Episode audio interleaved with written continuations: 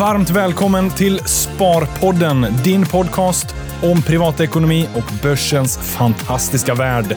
Varje onsdag ett nytt avsnitt. Häng med, för nu kör vi igång.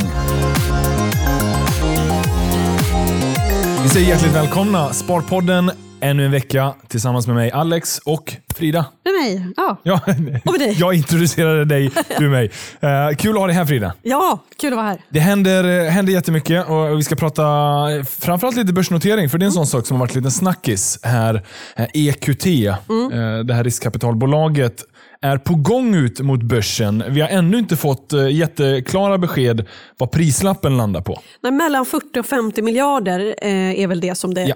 talas om. Men, Men nej, det vet vi inte ännu. Det vet vi inte och inte så mycket detaljer alls faktiskt. Men, men det är ju väldigt kul att det är på gång nu för man är ju, det här tisslas och tasslas om det här väldigt länge och det känns som att nu har man, det är många som har gått och väntat.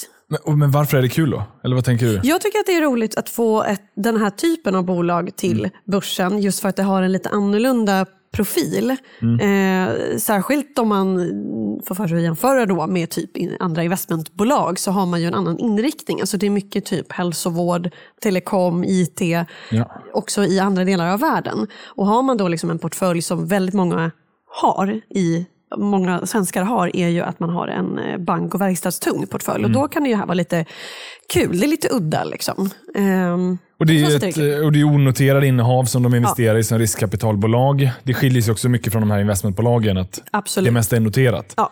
Så det, och, och investmentbolagen är ju väldigt populära. Mm. Eh, Så därför finns det nog ett stort intresse för den här typen av eh, företag.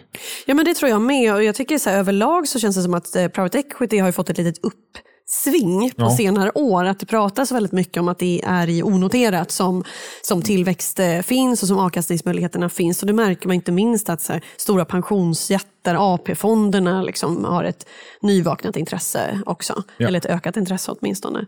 Eh, för riskkapital. Så att, eh, ja, men det, det är spännande. Jag tycker att det är kul. Jag tycker också att det är kul för att det är möjlighet att synliggöra värden i Investor. Ja, det är väl det som är den stora fördelen här. Nu är jag själv ägare av Investor-aktien med väldigt många svenskar. Eh, Och det här är ju en del av Investor-portföljen. Och Sen är det ju då ur ett investmentbolags perspektiv, så de eh, noterade innehaven är väldigt lätta att värdera, för det finns en prislapp på börsen varje dag. Men de onoterade, såsom EQT och Mölnlycke, eh, går ju inte att värdera lika enkelt. Nej, och därav ju- substansrabatten då som Ja. man tänker kanske ska minska nu när det här noteras. Ja, man hoppas ju att det blir en liten värdeökning för Ja. Investorägarna. Jag, jag såg någon beräkning på 2-3 procent. Ja. Alltså som substansrabatten skulle minska då. då. Ja, det låter rimligt. Eh, EQT är, en, eh, det är inte det absolut största innehavet Nej. i Investors portfölj. Så det låter rimligt. Det beror ju lite på hur också kursutvecklingen blir Absolut. i EQT när de väl noteras. Ja. Sen är det så här. Eh, En sak som många har lyft är ju just att riskkapitalbolagen och börsnoteringar de brukar ju ofta vilja göra en börsnotering när de inte längre ser lika mycket tillväxtpotential. Att det finns en sån ja. Och, och där tycker jag, det tycker jag alltid man ska fråga sig när, när Ja. vi har ändå en liten noteringssåg. Alltså varför görs den här noteringen? Och det är ju en viktig fråga att ställa nu. För precis som jag nämnde tidigare, är det för att ta in kapital? Alltså det känns inte som att, som sagt, med det uppsving som private equity har nu, är det verkligen svårt att få in kapital på andra Ja, sätt? Det, det känns inte riktigt som att det är det. Så är det, då blir slutsatsen att det kanske inte är anledningen till att man eh, går in på marknaden. I alla fall inte den enda anledningen. I alla fall inte den enda. Så att, eh, där är det alltid en viktig fråga att ställa sig. Är, tar man, går man in på börsen för att få möjlighet att ta in kapital för att kunna expandera eller är det för att typ casha hem? Ja, kanske. Ja. Jag, jag tror inte att det ena ut, eller är bara anledningen Mm. och det andra inte är det. Utan de kommer ju lyfta pengar. Ja, och det har de ju meddelat. Eller det har de meddelat. Nu vet vi ännu inte prospekt och så vidare, men Mm. Nej. det har de meddelat. Det finns också ett incitament från Investor att fortsätta investera in i det här. Eh, och, och Jag tror också att det finns ett intresse från Investor som ägare att faktiskt börsnotera det för att få just Mm. synliggöra värden. Eh, Det finns ett högt intresse för EQT för andra att också kunna äga i det. ja, I en kombination med att man ser en potential här nu att eh, kunna få ut ganska fina vinster. Ja, men det tror jag också. Det, det måste man eh, vara ganska ärlig med. Ja, och eh, jag tycker absolut, alltså som sparare så tycker jag att det här är ju ganska spännande och ganska intressant. Sen beror det på, vad hamnar prislappen? Det vet vi ju inte än. Det Nej. kanske vi får veta inom inte allt för lång tid, tror jag. Eh, men eh, det är spännande att hålla ögonen på. Ja, Jag tror att ganska många journalister kommer att hålla ögonen på det här också. Därför att nu är de i en Riskkapitalet. publik miljö. Precis. Det är lite spännande, det är, Är de lite redo hemligt. Är de redo för en publik miljö? Det kommer ju vara granskningar av ersättningar och, och skatteparadis och alla möjliga saker som ju kommer med att man blir ett publikt bolag. För då måste man vara lite mer öppen och eh, det är en helt annan liksom, detaljredovisning. Ju. Rätta mig om jag har fel nu, Eh, men det känns ändå som att från ett journalistiskt perspektiv så finns det fortfarande ganska överhängande negativ syn av Ja, men det gör riskkapital. det. Det skulle jag säga att det gör. Eh, just för att det är lite hemligt och inte särskilt transparent och det finns ganska mycket att grotta i. Så att det där blir ju mumma. Det blir det för journalister. Ja. Men då hoppas vi också att det här är ett bra tillfälle kanske att brygga mellan riskkapitalet och journalistkåren. Att eh, någonstans nu måste man synliggöra grejer för nu är man en publikmiljö. Det Mm. finns redovisningskrav och så vidare. Ja men precis och kanske att journalistkåren ibland måste nyansera sin bild också. Eh, det här är ju som sagt, du ska inte dra alla över en kam. Det är inte så att alla har negativ syn på men jag tror att det är en ganska vanlig syn att Ja. det är någonting som är lite hemligt och lite fishy och lite något som man in, och det, och det, kanske, det kanske är riskkapitalbolagens eget fel om man säger så, för de inte är så himla öppna och förklarar inte sin verksamhet. Jag skulle säga också att det ligger mycket i det där. Ja. Man kan ha åsikter om huruvida de här skatteparadisen och så vidare, men Mm. den, den största, eh, kanske, om man får säga snedsteget eh, som riskkapital eh, har, har gjort, är ju just den här eh, otransparenta kommunikationen. Ja. Man har inte vetat. Och då Nej, får man precis. anta mycket. Och då får man anta och då blir det liksom spekulation. Så där har ju riskkapitalbranschen en del att, att jobba på också. Vi, vi får ju se var det här landar. Eh, portföljen är spännande. Det är mindre eh, onoterade innehav. Ska bli lite intressant att se om de också gör något nytag i samband med noteringen. Eh, om det blir någon förändring Ja, i själva investeringsstrategin. Det har de väl inte Nej, de har inte uttalat flaggat någonting. Nej, precis. Jag, tror, jag har för mig att det fanns ett åtagande från Investors sida att kontinuerligt investera in i det här. Mm. Vilket gör ju då, eh, möjliggör ju ytterligare eh, kapital Ja. för EQT att Ja. faktiskt investera. Yes. Och I och med att de lyfter pengar så kommer också någonting att investeras. Mm, precis. Nej, men jag tycker eh, överlag också så är det intressant, alltså hur tjänar det här EQT som listas också, hur tjänar de Mm. pengar? Eh, de tjänar ju pengar då på att de får eh, in eh, performance fee Ja. och eh, ehm, carried interest, alltså överavkastning också. Ja, precis. Ja. Men vart får de in performance fee? De får ju för alltså, partners som investerar Ja, just det. i fonderna Okej. helt enkelt. Det är, ju, det. det är ju alltså inte fonderna som listas utan bolaget som sköter fonderna. Ja. Och där är ju intjäningen mest då förvaltningsavgifter helt enkelt. Och det är en väldigt stabil intäktskälla får man ju ändå säga. Det är ju löpande och det är ju den största intäktskällan absolut för EQT nu också. Ehm, Ja, det är det Just ju. de här äh, Det kan ju faktiskt eh, ge det då en, en snudd av lite konjunkturstryckt. Mm. Att den här managementfin kommer in. Sen behöver man ju verkligen förstå att det är bolag. De kommer ju drabbas om ekonomin Absolut. går ner. Så är det ju. Men, men det är ändå, eh, jag skulle ändå, man kan se det som ändå ganska stabil intjäning skulle jag säga. Men, men, eh, men du har rätt. Och, och, eh, sen är det också en del av intjäningen kommer ju såklart också från EQTs egna innehav i fonderna. Ja. Eh, Och den performance de lyckas. och den performance som de lyckas få i de här bolagen som har investerat i. Så att, eh, ja, men jag, jag tycker att det ser spännande ut, men som sagt mycket hänger på prislappen. Också. Väldigt mycket hänger på prislappar. Eh, vi, får, vi får helt enkelt se var det landar. Man Ja. får hålla utkik om man är fortsatt lite nyfiken. Eh, prospekt lär väl dyka upp i, inom snar framtid, nu när det Yes. har börjat kommuniceras. Men du var också ute här eh, under dagarna. Ja. Pratade om pensionschock. Ja, ja, precis. Och eh, det bygger på att vi har gjort en, en eh, undersökning som visar att eh, var tionde person som pensionssparade innan 2016 Ja. slutade göra det när avdragsrätten för privat pensionssparande slopades. Men startade sedan inte upp ett nytt pensionssparande. Alltså på ISK eller kapitalförsäkring. Eh, och då, alltså, eh, då är det 10 procent då. Och applicerar vi de 10 procenten på befolkningen i stort i arbetsför ålder så blir det eh, sex, 580 000 personer. Ja. Eh, och det är ju så att vi har pratat ganska länge och ganska mycket om det här nu, att inkomstpensionen kommer inte utgöra så himla stor del av vår totala pension. Det kommer vara en ganska låg andel av vår slutlön. Ja. Eh, tjänstepensionen är viktig, men det privata sparandet kommer också att vara viktigt om man nu inte vill sänka sin levnadsstandard. Därför någonstans är det ju det det handlar om. Alltså om jag jobbar och känner att jag är ganska nöjd med att få 60 procent av min slutlön Mm. i pension. Jag, jag kommer inte behöva göra så mycket. Jag kommer flytta till ett billigare boende så det kommer lösa sig. Ja, men fine.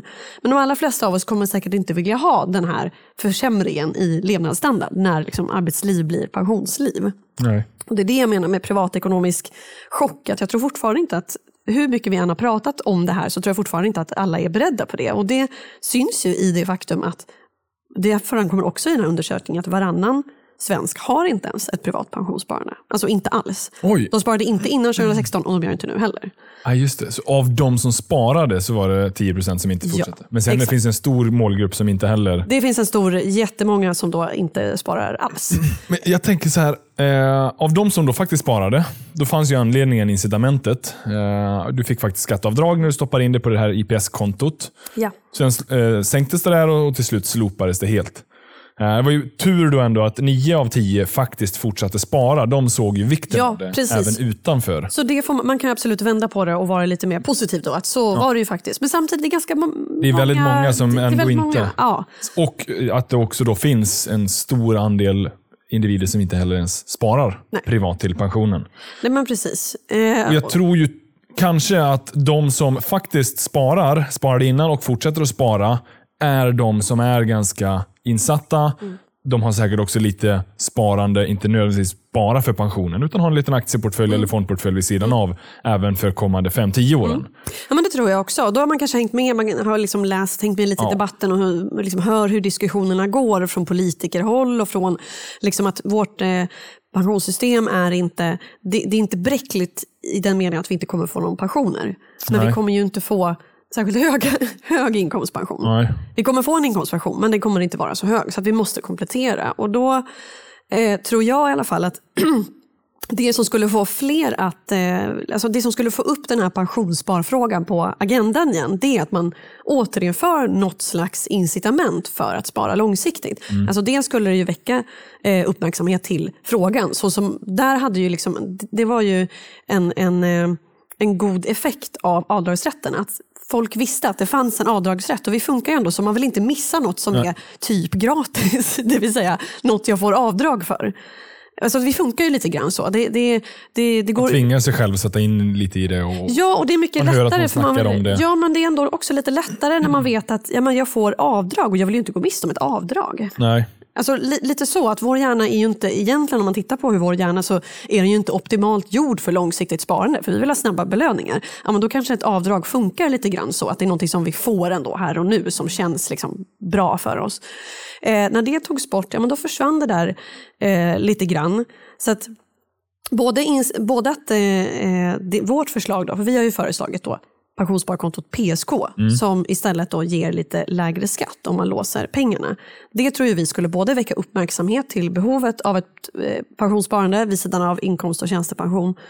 Eh, men också att man, eh, man faktiskt får incitament att göra det här Ja. nu. Ja. Trots att det är lite svårt för ganska många att spara långsiktigt. Så får man någonting för det. Liksom. En knuff. En Det liten det- knuff, det en liten morot i rätt riktning. För nu har det gått åt helt fel riktning de senaste åren eftersom eh, skatterna höjts på Ja, och det- pensionssparande. Och det här incitamentet lyser med sin frånvaro. Absolut, det har ju, signalen från politikerhåll har ju varit verkligen att pensionssparande inte är så viktigt. Men att lån kan man få avdrag för. Ja, det här ränteavdraget. det, har, ja, Det, ja, det, det, det är vad det det är en egen diskussion. Nej, men, eh, så, så jag tror ju verkligen på det här att man återigen får upp pensionssparandet på agendan och liksom ger alla hugade pensionssparare morötter igen istället för att bestraffa de som faktiskt sätter av till sin ekonomiska framtid. Och Det är därför som vi har då föreslagit ett pensionssparkonto PSK. Ja. Och det, det är, eh, varför vi fortsätter att tjata om det här är ju för att eh, det, det, finns, det är alltid rätt tillfälle att börja pensionsspara. Det är aldrig för sent, Nej. oavsett vilken ålder man befinner sig i. Det jobbiga är ju den dagen man sen börjar plocka ut det och man då har märkt att nu har jag faktiskt Ja. inte sparat någonting. Det är då det Ja, då blir det jobbigt. upplevs Eller man, som för sent. Ja, eller om man säger att man upptäcker det liksom när man är 55 och börjar titta lite grann. Ja. När kommer jag kunna gå i pension? Och då, då är det ju väldigt stora summor man måste spara Ja. i månaden eh, om man vill komma upp i liksom någon form av någon form behålla. av ja, behålla sin levnadsstandard. Börjar man spara tidigt, ja då är det ju inte så mycket varje månad som Nej. behövs. Utan då kan ju det här löpa på eh, under eh, flera decennier. Men PSK-kontot eh, har, har vi pratat eh, lite om också. Eh, nu har du faktiskt gjort en, för, en explainer. Ja, En sån här förklaringsvideo Ja. som vi slängde upp på Youtube. Ja. Mm, Det här är fortfarande ett förslag som vi vill väcka diskussion kring. Mm. Eh, vi hoppas ju dels att lagstiftaren eh, får upp lite idéer och tankar, men också att man som lyssnare till Sparpodden eh, och som intresserad i, i både samhälls och pensionsdebatten diskuterar mer kring det här. Eh, Mm. Ja, Det är ett exakt. Mm. bra förslag tycker vi, men det kan ju alltid förfinas. Det finns alltid Ja, men så är det. bra... Det är inget färdigt förslag, men vi tycker att det måste komma igång en diskussion nu Ja. om att vi måste, vi måste börja signalera att pensionssparande är viktigt. För det, det är det. Ja. Det är så det ser ut. Att vi kommer behöva komplettera med privatsparande. Ja. För vi fick faktiskt in en fråga från Jim Nyberg på Sharewill eh, via gruppen då Sparpodden där man kan ställa frågor. Han undrade just om det här med PSK, inlåsningen. Lite tanken bakom är ju att man ska låsa in pengarna och därmed få incitament. Ja. Men vad händer när eh, livets stora pusselbitar inte faller på plats och man eventuellt behöver pengarna under tiden? Ja men precis. Jag tänker ju, alltså, vår tanke med PSK är ju inte att det ska ersätta någonting. Nej. Alltså vår tanke är att det ska vara ett komplement till buffert ISK. eller till, och till ISK och kapitalförsäkring. Eh, så, så det är inte så att man ska låsa in pengar som man känner det här kan jag nog behöva. Utan det är ju ett pensionssparande och sen så förhoppningsvis så kan man ha de här olika liksom, sparformerna för olika syften. Ja. Det är det som är tanken och som vi hoppas går att göra. Ja. Eh, men Då är, ju, då är det också så här, då får du lägre skatt. Eh, ISK kapitalförsäkring har ju redan ganska låg skatt. Baseras ju lite på ränteläget som skiftar år till år. Mm. Här får vi då ytterligare en rabatt på den skatten.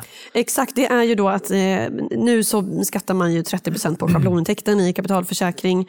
Eh, vi tänker att den kan sänkas till 15 Ja. Då, som i den gamla IPSen, Ja. som också var 15 Eh, men, men det där... Det Men finns många- motprestationen är att man också låser in pengarna. Ja, exakt. Och, och det är klart att eh, faller pusselbitarna isär, ja man får ju helt enkelt diskutera. Men i den, i den Ska bästa av världar så, så är det här ett komplement som man ska liksom låta vara Ja. helt enkelt. Eh, det är inte där man ska lägga liksom alla sina besparingar för att få lägre skatt. Det, det är inte så vi tänker i alla fall att det skulle användas. Nej, men ett alternativ då skulle ju kunna vara att man antingen får eh, straffskattas om man nu vill ta ut det. Alltså man får typ betala mellanskillnaden som hade varit mellan en vanlig kapitalförsäkring och PSK. Eller att man gör som typ IPS-kontot där du faktiskt kan återköpa det. Ja, Så länge det är under ett visst belopp. under, precis. Precis. Och Då får du också betala den skatten som, eh, som det blir när man tar ut lön.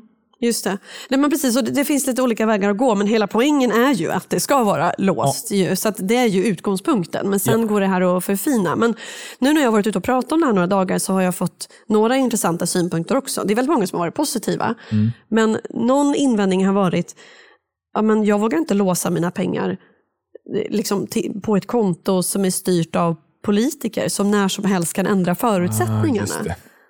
Och det känns lite, jag hade lite svårt nästan att svara på det. För att det är klart att vi föreslår ju inte någonting där vi tänker att, ja men, där vi, där vi har tagit höjd för att politiker är klåfingriga. Det har vi ju sett att de kan vara. Ja, men, eh, jag, jag känner själv igen mig. Ja, jag känner också igen mig. det- Ja, ja. Precis. Jag hade gärna velat fortsätta spara Ja. in dit, men nu ligger det bara där. Nu ligger det bara där. Och ISK, där höjde skatten, har gjort det flera gånger. Så det är verkligen så här, den risken måste man ju erkänna finns, vilket är rätt eh, trist. Men samtidigt så tycker jag så här, ja men även fast den risken finns så vill i alla fall inte jag sluta föreslå bättre villkor för Nej. spararna och bättre sparformer. Så försöker ändå vara optimist och liksom försöka föreslå förbättringar trots att den där risken finns. Men hur vore det om vi slutade föreslå liksom, eh, förbättringar bara för att vi tänker att det är ingen idé? Det finns en risk. Det finns en risk med allt. Det finns en risk med allting och den här risken finns tyvärr. Ja. Ja. Så att, eh, Det finns en risk på börsen, men vi investerar där ändå. För att vi, vi tror på möjligheten Vi mer. tror på möjligheterna. Det här är ändå någonting som, jag tror i alla fall att det här eh, har väldigt, skulle ha väldigt stora fördelar. Eh, och ja, man kan ju bara hoppas att eh, om det skulle bli verklighet, vilket vi inte har någon aning om, vilket vi bara, Inte nästa vecka i alla inte fall. nästa vecka i alla fall. Eh, så, så Men fortsätter vi att prata och diskutera det här så finns det ju en ökad sannolikhet att också politiker plockar upp och funderar kring det. Ja, det är ju inte som att eh, politiker inte funderar kring det, eller vill jag tro i alla fall. Nej. Men det finns andra brinnande frågor som de bedömer viktigare. Men om vi lyfter det här tillräckligt mycket och påpekar den, eh, det- den stora vikten med det så kommer det också förmodligen bli en realitet förr eller senare. Ja, jag, precis. Jag, jag tror ju Jag väljer att vara att, optimistisk eh, i alla fall. Den här regeringen har ju inte signalerat att man vill göra någonting för att, eh, för att liksom gynna pensionssparande. Så där är- har jag väl inte jättemycket förhoppningar. Men som du säger, det kan aldrig vara fel att lyfta frågan, prata om det så mycket som möjligt. Eh, Det finns ändå nu ju samarbetspartier, eller vad de kallar sig, eh, som kanske kan plocka upp det här och som, som historiskt ju har haft en väldigt bra inställning till sparande, tycker jag. Eh, så att vi fortsätter att prata om det här och eh, prata med politiker om det och hoppas att de ändå snappar upp för att det här är viktigt. Ja. Men tills vidare så får vi ha vårt kapitalförsäkringskonto som pensions, privata pensionssparkontot. Just det, och det har ju någon frågat också, men varför kan man inte bara spara då på kapitalförsäkring ISK? Ja. Vad, vad, är, vad är grejen då? Liksom? Egentligen är det ju... Ja, men då har ju vi gjort en annan undersökning en- som vi gjorde i våras som visar att varannan har faktiskt tagit ut från Alltså tagit ut pengar från eh, sin kapitalförsäkring och ISK som var menade för ett långsiktigt sparande för att konsumera. Så att de, alltså ISK och KF passar ju jättebra för jättemånga och pensionssparare men passar inte riktigt för alla. Och dessutom så tycker vi att det saknas det här riktiga incitamentet också att spara. Det är, väl, det, det är ju den största grejen. För det, Det finns inget. Eller det finns ju incitament att det är bra skatt och det sköter sig självt. Ja, precis. Men man behöver mer. Man behöver någonting mer, man behöver liksom få en Det, ska, morot. det är ett incitament här och nu det här året. Avsätt nu. Vänta Mm. Ja. inte till nästa år eller nästa månad. Nej, utan exakt. Gör det nu. Ja. Så att intala er själva det. Gör det nu fram tills vi får ytterligare lite morot. Ja, Så uh, fortsätter vi att slåss för det här. ja. Men du, jag tänker vi ska hinna med att prata lite politiska risker också. Mm. Det var ändå en sån grej som eh, var en stor snackis förra veckan, men sen så försvann lite den här bankskatten Mm. som föreslogs. Eh, Den dök upp på lördagen och sen så försvann den och sen så såg vi inte så mycket mer än. För att vi inte vet någonting om den. Vi vet ju ingenting om den än. Och de, de vet de inte inte- heller Nej. någonting om den, alltså eh, regeringen då. Men man planterar Mm. eventuellt en bankskatt. Och Det är väl en smart strategi att plantera någonstans medvetandet istället för att direkt bara komma med Jag hårda tror att bud. man planterar det för nu kan regeringen prata om det här i väldigt många år för att det passar så bra i deras retorik. Mm. Ja. Eh, Så nu har de många år på sig att liksom eh, prata om det och eh, ja, det landar bra hos väldigt många väljare tror jag. Ja, ja, så är det ju. Det, Inte det, i vår Nej, inte i krets kanske. Sparpodden-lyssnarna. Inte i Sparpodden kanske, men, men hos, det ska man inte glömma. Att jag tror att det landar bra hos många. Annars skulle de inte göra det här. Nej, eh, och det är väldigt mycket en ideologisk fråga Ja. eh, i det här sammanhanget. Men, men det, det jag tänkte var att här, politisk risk, det är ju sånt som kanske är mer överhängande i vissa branscher, just då på grund av ideologiska ställningstaganden. Eh, just nu så tycks bank och finanssektorn vara ganska utsatta. Eh, Och Det kan man ha mycket åsikter kring, men precis som du säger så kommer det här nog vara en längre puck som kommer att diskuteras. Det- Vi kommer förr eller senare få ett förslag, eh, för nu har man meddelat att man vill utöka försvarsbudgeten. Det ska finansieras. Så på något sätt så Ja, vill de komma med Nå- någonting. De, de har ju som sagt inte sagt hur eller var eller eh, Nej. så. Eh, utan eh, vi vet att de har försökt flera gånger. Eh, det gick inte jättebra med på arbetsgivaravgiften då som man har föreslagit. Eh, restitutionsavgiften, där fick man backa lite grann också. Så att, ja, nej, det kommer att vara en snackis, en följetong. Men det här gör också att andra politiska risker försvinner lite. För Ja. ta typ två år sedan. Då var ju eh, vinster i välfärden en extremt het potatis. Mm. Ja, men efter Reepalu-utredningen. Efter Reepalu-utredningen, eh, alla typer av vårdbolag skulle ju få antingen kappade vinstmöjligheter eller de höll på att experimentera massa olika sätt och, och försöka hindra vinster i välfärden. Men det här är nästan som bortblåst nu. Mm. Och även, eh, eh, ja men, eh, Och efter januariavtalet står det ingenting om Nej. vinster i välfärden. nej, nej. Jag tror att det har lite grann att göra också med att eh, ja, men vi har ju, det är ju C och eh, Ja. L då, som är med där. Och de vill ju främja företagande och entreprenörskap och då rimmar inte det alltid väl med att liksom stenhårt förbjuda det här heller. Nej, precis. Eh, men eh, nå- någonstans så måste de också ge in lite, så att eh, vi får väl se hur, hur mycket de ger in i bankskattsektorn. Men det här kommer ju och går. Nu kommer ju vård, eh, vinster i välfärden vara jättehett under, under en längre tid. Eh, både med vårdbolagen men också de här eh, privatskolebolagen. Engelska skolan, Engelska Academedia. Ja. Ja. Och det var, många, det var lite en, en del börsnoteringar i samband med det där. Eh, som också gjorde att det kanske fick mer uppmärksamhet. Ja. Men i och med att den risken är nu ganska bortblåst hos den sektorn, så borde ju det i alla fall ge lite Lite lättnadsrally. lugn där ja. ja.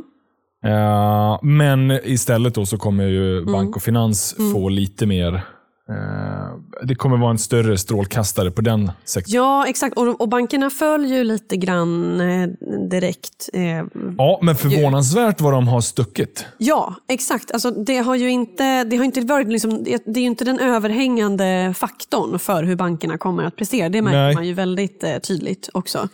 Om, om man ska tolka aktiemarknaden. För nu det här avsnittet eh, spelas in på tisdagen innan det publiceras. Eh, och Det var ju typ då tio dagar sedan de annonserade. Bankaktier är ju upp 10, nästan 15 procent. Jättemycket på ECBs räntebesked som kommer torsdag den här veckan. Ja. Ju. Eh, så att, eh, det, ja, och, och jag tror att mycket beror på det, att man inte riktigt tar in liksom risken för en bankskatt. Det är så här, man vet ju inget om den heller. Nej. Så att, då tar vi fasta på det, liksom, det lite mer positiva. Men att man inte ens är nervös över det potentiella s- skattetrycket. Det är nästan... Nej, eh, det är, Man tar det lite för lätt, eh, nästan lite lättsamt. ja, och sen, men, men sen är det ju också så att det här skulle införas om flera år. Ja. Och, och liksom det, Eller ja, 2020. Tror jag. Eller var 2025? 2022. Ja, det kanske det var. Vi, vet ju ännu inte. Vi vet ju ännu inte. Vi vet faktiskt inte. Vi vet inte ens om de kommer lyckas införa det här. Som sagt, de har försökt två gånger förut. Det har inte gått särskilt bra. Så att, och, och sist så flyttade ju Nordea också. Så att, eh, det här är ju, Men resolutionsavgiften har de ändå lyckats höja. ja, men inte med jättemycket. Inte så mycket som de ville höja. Nej, de fick nej. backa ganska mycket. Så det var ganska stor pudel faktiskt som de fick göra när de höjde den resolutionsavgiften. Ja. Höjningen var inte alls lika stor som de ville. Och det är därför de återkommer med den här bankskatten också. För det har de ju lovat. Liksom, Ja. att de ska. Eh, jag var ute och pratade ganska mycket och min take på det är väl att ja, det här kommer ju bankerna inte ha några problem att liksom, föra över till kunder. Alltså det kommer ju inte bli att det tas, tror jag, från bankernas vinster. Nej, utan det är ofta så det blir i slutändan. Det är så det blir. Det är så det, Det är privatsparare ja, och pensionssparare. Ja, så det är väldigt eh, synd, tycker jag, att det blir Ja. så. Det, det är liksom, och jag tror att så här, det vet regeringen om också, att det är så. Men det är fortfarande lättare att eh, låta eh, väljare betala lite mer liksom, via bankerna än att höja liksom, någon skatt, någon inkomstskatt. Eller någon, Ja, alltså, det- skulle för inte det med på. direkt. Exakt. Ja. Mm. Och det är, liksom, det är svårare retoriskt då. Så att, eh, jag tror ju att det här vet regeringen om. Jag vet också att de, argumentet som har förts fram för att det inte skulle bli så är att det är en bättre konkurrens på bankmarknaden. Och det är det ju inom vissa områden, typ bolån och så. Men det finns väldigt mycket som är väldigt, eh, alltså kortavgifter och avgifter för betalningstjänster. Mm. Sånt som vi inte ens, vi tittar kanske knappt vad det kostar egentligen. Där tror jag att man att kommer bara få... på lite till. Ja, det är liksom en 20 till. Det blir, det blir 59 istället för 39. Sådär. Ja. Ehm, Så att ehm, där tror jag att eh, det skulle kunna vara i riskzonen. Att det är där det tas ut i Mm. så fall.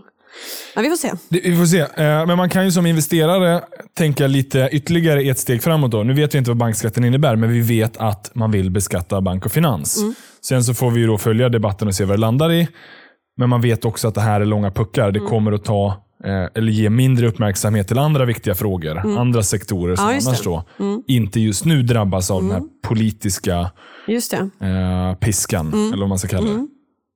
Så att, om man som investerare ligger två steg framför så kanske man... För det, det tar lång tid också. Eh, när de nu kommer införa det. Ja. Vad det nu landar i. Jag tror, jag tror att som investerare så ska man även ha med sig det, och det stod ju klart sen regeringsbildningen blev klar, att men Socialdemokraterna nu är samarbetspartierna liksom C och L, det är inte Vänsterpartiet på samma sätt som det har varit. Nej. Eh, för det var ju faktiskt i samband med... Alltså det, är ju Det var ju vänstern som ville verkligen Ja. driva igenom vinst i välfärd. Exakt. Så att det är ju en lite grann, en liten liksom, Mm. om, alltså Socialdemokraterna måste göra lite eftergifter, man kan inte liksom ha exakt samma politik. Alltså mycket som, som eh, hände under förra mandatperioden var ju Vänsterpartiets liksom, politik. Så, så, att, eh, så är det ju nu, Mm. att eh, det är inte riktigt samma, ehm, eh, samma piska från Vänsterpartiet. Nej, Ju. Och det får man då ja, dra nytta av som investerare. Det får man dra nytta av som investerare om man tänker på, på välfärdsbolag. Ja. Både piska och morot i veckans avsnitt av Sparpodden. Ja, vi vill ha lite pensionsmorot och vi vill ha mindre eh, extra piska på börsen. Ja. Kul att ha dig med som, vanligt den här veckan. Eh, vi hörs som alltid nästa vecka. Ni vet att Sparpodden kommer ut varje onsdag. Så vi säger tack för oss den här veckan och så hörs vi igen framöver. Ciao! Hej då!